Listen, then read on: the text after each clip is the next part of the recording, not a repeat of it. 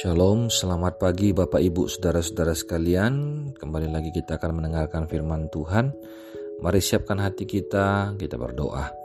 Bapa di surga, terima kasih Tuhan untuk kasih sayang dan kebaikan-Mu. Saat ini kami mau mendengarkan firman-Mu. Berkati kami terpujilah Engkau dalam nama Yesus. Amin. Bapak Ibu Saudara, hari ini kita uh, kembali kepada kitab Esther uh, Pasal yang kelima sampai selesai sampai selesai saya akan membacakan beberapa ayat dan sebentar lagi kita akan juga akan mendengarkan penjelasannya. Pada hari yang ketiga Esther mengenakan pakaian ratu lalu ber, berdirilah ia di pelataran dalam raja dalam istana raja tepat di depan istana raja. Raja bersemayam di atas tahta kerajaan di dalam istana berhadapan dengan pintu istana itu.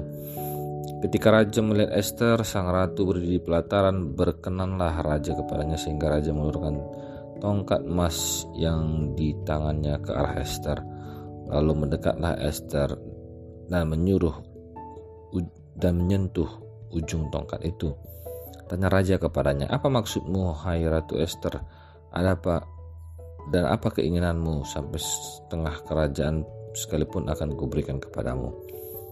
Jawab Esther, Jikalau baik pada pemandangan raja, datanglah kiranya raja dengan Haman pada hari ini ke perjamuan yang diadakan oleh hamba bagi raja. Maka titah raja suruhlah Haman datang dengan segera supaya kami memenuhi permintaan Esther. Lalu raja datang dengan Haman di perjamuan yang diadakan Esther. Sementara minum anggur, bertanyalah raja kepada Esther, apa permintaanmu? Niscaya akan dikabulkan dan apa keinginanmu sampai setengah kerajaan sekalipun akan dipenuhi. Maka jawab Esther permintaan dan keinginan hamba ialah jikalau hamba mendapat kasih raja dan jikalau baik pada pemandangan raja mengabulkan permintaan serta memenuhi keinginan hamba datanglah pula kiranya raja dengan Haman ke perjamuan yang akan hamba adakan bagi raja dan Haman maka besok akan hamba lakukan yang dikehendaki raja. Dan selanjutnya Bapak Ibu nanti bisa lihat dan baca. Nah Bapak Ibu saudara yang dikasih Tuhan tahukah bahwa arti nama Esther adalah sesuatu yang tersembunyi? Dan yang menarik adalah bahwa di dalam kitab Esther kita melihat ada sesuatu yang tersembunyi. Nah, apakah yang tersembunyi itu? Yaitu peran Allah atau Allah yang berperan di balik situasi yang sedang dialami Esther, Mordekai maupun orang Yahudi. Sekalipun nama Allah tidak disebutkan secara terang-terangan dalam kitab Esther, tetapi kita akan melihat seiring berjalan hari kita mempelajari kitab Esther dari pasal 1 sampai pasal yang terakhir kita akan melihat bahwa Allah lah yang memberikan keselamatan kepada bangsa Yahudi serta juga kepada Ratu Esther dan Mordekai. Amin. Kitab Esther menunjukkan mengenai kebenaran akan Allah yang bekerja di balik layar. Walaupun namanya tidak disebutkan secara terang-terangan, tetapi Allah tidak meninggalkan umatnya yang sedang dalam pembuangan ini. Sejak dari pasal 3 bagian terakhir kita melihat dengan jelas ancaman yang sedang menimpa Mordekai, Esther dan keseluruhan orang Yahudi adalah bahwa Haman yang ingin menindas mereka, yang ingin menghabiskan mereka. Dan di pasal 4 kemarin kita belajar bagaimana Mordekai mendesak atau meminta bantuan Esther untuk berbicara kepada raja. Dan sebenarnya dalam kebudayaan atau kebiasaan pada masa itu ratu ataupun anggota keluarga yang lain tidak dapat senaknya datang kepada raja untuk menemuinya. Harus tunggu dipanggil oleh raja.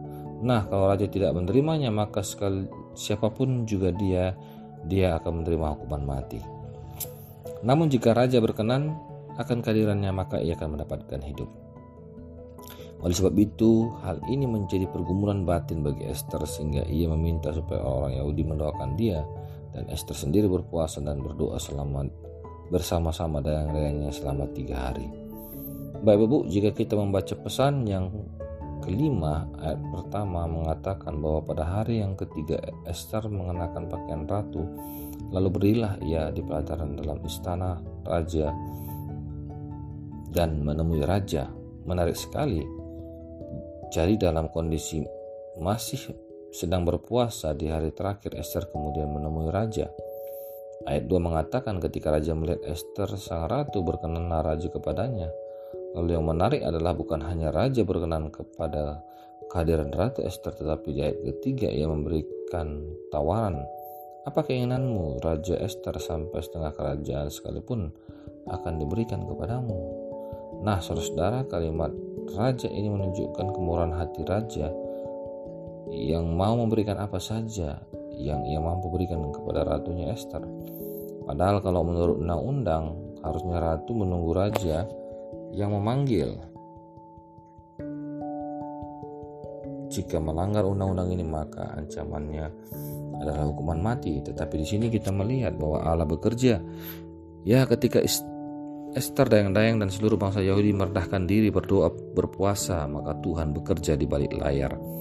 Tuhan sudah bekerja, Tuhan mengatur kedatangan Esther ini akan tepat waktunya di saat mood atau hati raja sedang baik ya dan dia mau menerima Esther. Jadi Tuhan melembutkan hati raja untuk mau menerima Esther sekalipun Esther datang bukan karena dipanggil oleh raja. Karena Allah telah bekerja melunakkan hati raja sehingga justru rajalah yang menawarkan kepada Esther apa yang kau mau. Keinginanmu akan kuberikan kepadamu. Hal ini diulang lagi di ayat 6. Ya raja bertanya kembali kepada Ratu Esther, apa permintaanmu dan apa keinginanmu? sampai setengah kerajaan sekalipun dipenuhi. Esther sebenarnya punya kesempatan untuk langsung meminta saja supaya Haman yang memusuhi orang Yahudi itu langsung dibunuh saja. Bukankah raja berjanji akan memberikan apa saja pada Esther? Tetapi yang menarik adalah Esther yang bijak justru tidak langsung meminta Haman dibunuh, dihukum. Tetapi ia meminta supaya raja dan Haman datang untuk perjamuan di rumah Esther. Dan nanti kita kamu lihat di pasal-pasal selanjutnya apa yang terjadi dalam perjamuan tersebut. Nah kita kembali dulu ke pasal 5 ini. Kita melihat bagaimana reaksi Haman ketika diminta oleh raja untuk datang memenuhi permintaan Ratu Esther. Rupanya Haman begitu riang dan gembira. Namun oleh karena itu namun oleh karena ia adalah orang yang dengki dan orang yang sombong ketika ia melihat Mordekai ada di pintu gerbang istana, Raja istana raja justru yang tadi dia ring gembira mulai lagi panas hati. Ini adalah ciri-ciri orang yang dengki. Sehingga sampai di rumah ia menerima nasihat dari istana istrinya dan sahabat-sahabatnya yaitu untuk membuat tiang 50 hasta tingginya. Ini tiang setinggi sekitar 22 meter untuk menggantungkan Mordekai di sana. Namun pada akhirnya senjata yang ia buat ini justru akan menjadi senjata makan tuan Saudara dari peristiwa di pasal 5 ini kita belajar dua hal.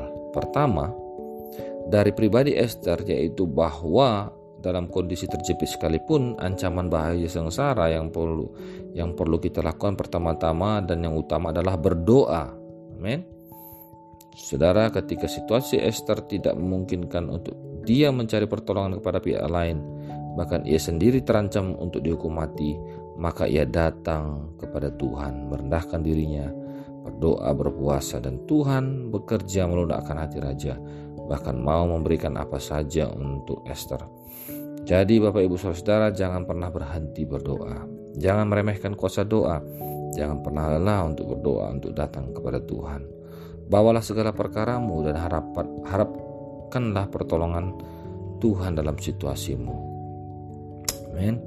Yang kedua, yang kita pelajari dari pasal 5 ini adalah dari kehidupan zaman kita melihat bahwa kesombongan adalah awal dari kehancuran.